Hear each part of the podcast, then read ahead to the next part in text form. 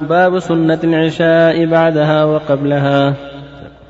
فيه حديث ابن عمر السابق صليت مع النبي صلى الله عليه وسلم ركعتين بعد العشاء وحديث عبد الله بن مغفل بين كل أذانين صلاة متفق عليه كما سبق. باب سنة الجمعة. فيه حديث ابن عمر السابق أنه صلى مع النبي صلى الله عليه وسلم ركعتين بعد الجمعة متفق عليه.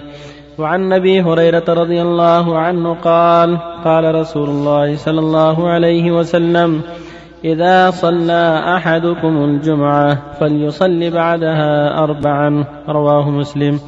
وعن ابن عمر رضي الله عنهما أن النبي صلى الله عليه وسلم كان لا يصلي بعد الجمعة حتى ينصرف فيصلي ركعتين في بيته.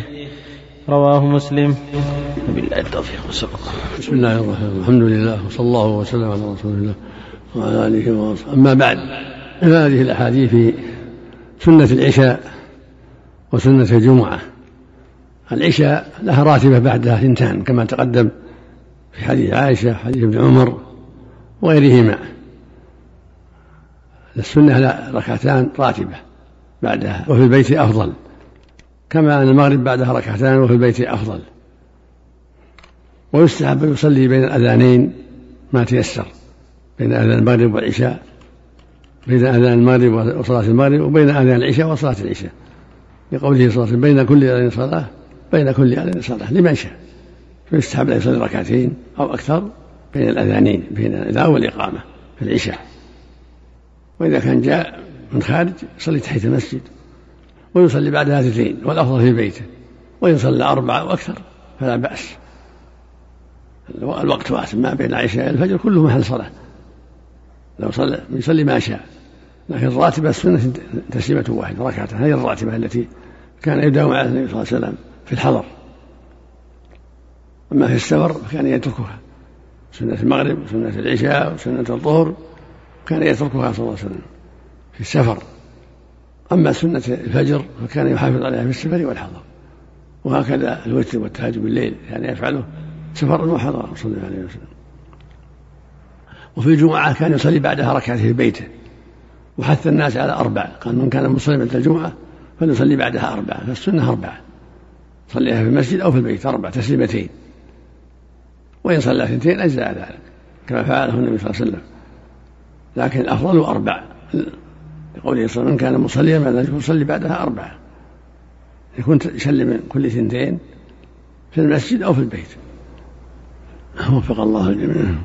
سنة الجمعة أيهما أفضل في البيت وفي المسجد؟ يصليها؟ النوافل كلها في البيت أفضل. النوافل كلها في البيت أفضل. وإن صلىها في المسجد فلا بأس. كلها الأفضل في البيت كلها. والنبي صلى الله عليه وسلم أفضل صلاة المرء في بيته إلا المكتوبة. مثلا يكون الواحد في الدرس أن يذهب إلى دورة المياه ثم أن يعود؟ هل يجب بتحية المسجد أو تكفي بالأولى؟ لا يأتي بتحية المسجد. إذا راح وتطهر وجاء يصلي تحية المسجد. نعم. سنة الوضوء وسنة التحية جميعا. الله لا اله الا هو الحي لا تهون المشروع عدم اللعن إلا إذا كان في مصلحة مثل داعيه الفجور مقاتل المسلمين يحارب المسلمين يدعى يدعى عليه. أما إذا كان مسالم يدعى له بالهداية مثل ما قال في في كفار دوس اللهم اهد دوس وأت بهم. مثل ما لعن كفار قريش اللهم العن فلان والذين لهم رؤوس رؤوس في الكفر. اللهم العن فلان ابو فلان اللهم العن عتبة بن ربيعة شيبة بن ربيعة أبا بن جهام شام لأنهم رؤوس الكفر دعاة للكفر عذبوا المسلمين. أما المعرض المسالم لا يدعى له بالهداية. أما العموم لعن لعن الله الكافرين لعن الله الفاسقين لعن الله السراق لا بأس. العموم لا بأس. ولما لعن رجل وإنسان يسر الخمر عند النبي صلى الله عليه وسلم فقال عبد الله قال لا تلعنه فإنه يحب الله ورسوله. لا تعينوا عليه الشيطان. ضابط فيه شيخ ظهور العداوة يظهر العداوة سب الإسلام. سب الإسلام أو أو محاربة المسلمين. الله إليك. إذا كان المسلم داعية إلى الفجور يدعى عليه أو يلعن؟ يدعى له بالهداية أن الله يكفي المسلم شره. وهو مسلم يدعى له بالهداية وأن الله يكفي المسلم شره. الله لا إله إلا هو القيوم لا يفرق بين سنة الجمعة أن يصلي في المسجد أربعة وفي البيت ركعتين. هذا التفريق صحيح. ما لا لا مثل ما أخبر النبي صلى الله عليه وسلم. من كان مصليا بعد الجمعة يصلي بعدها السنة أربعة. هذا السنة كمال أربعة في البيت أو في المسجد.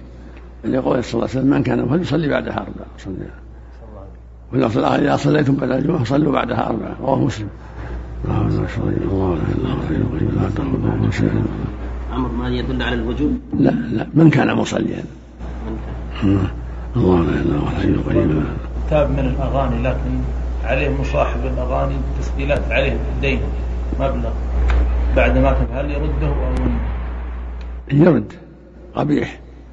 يرده يرد الدراهم. اللي عليه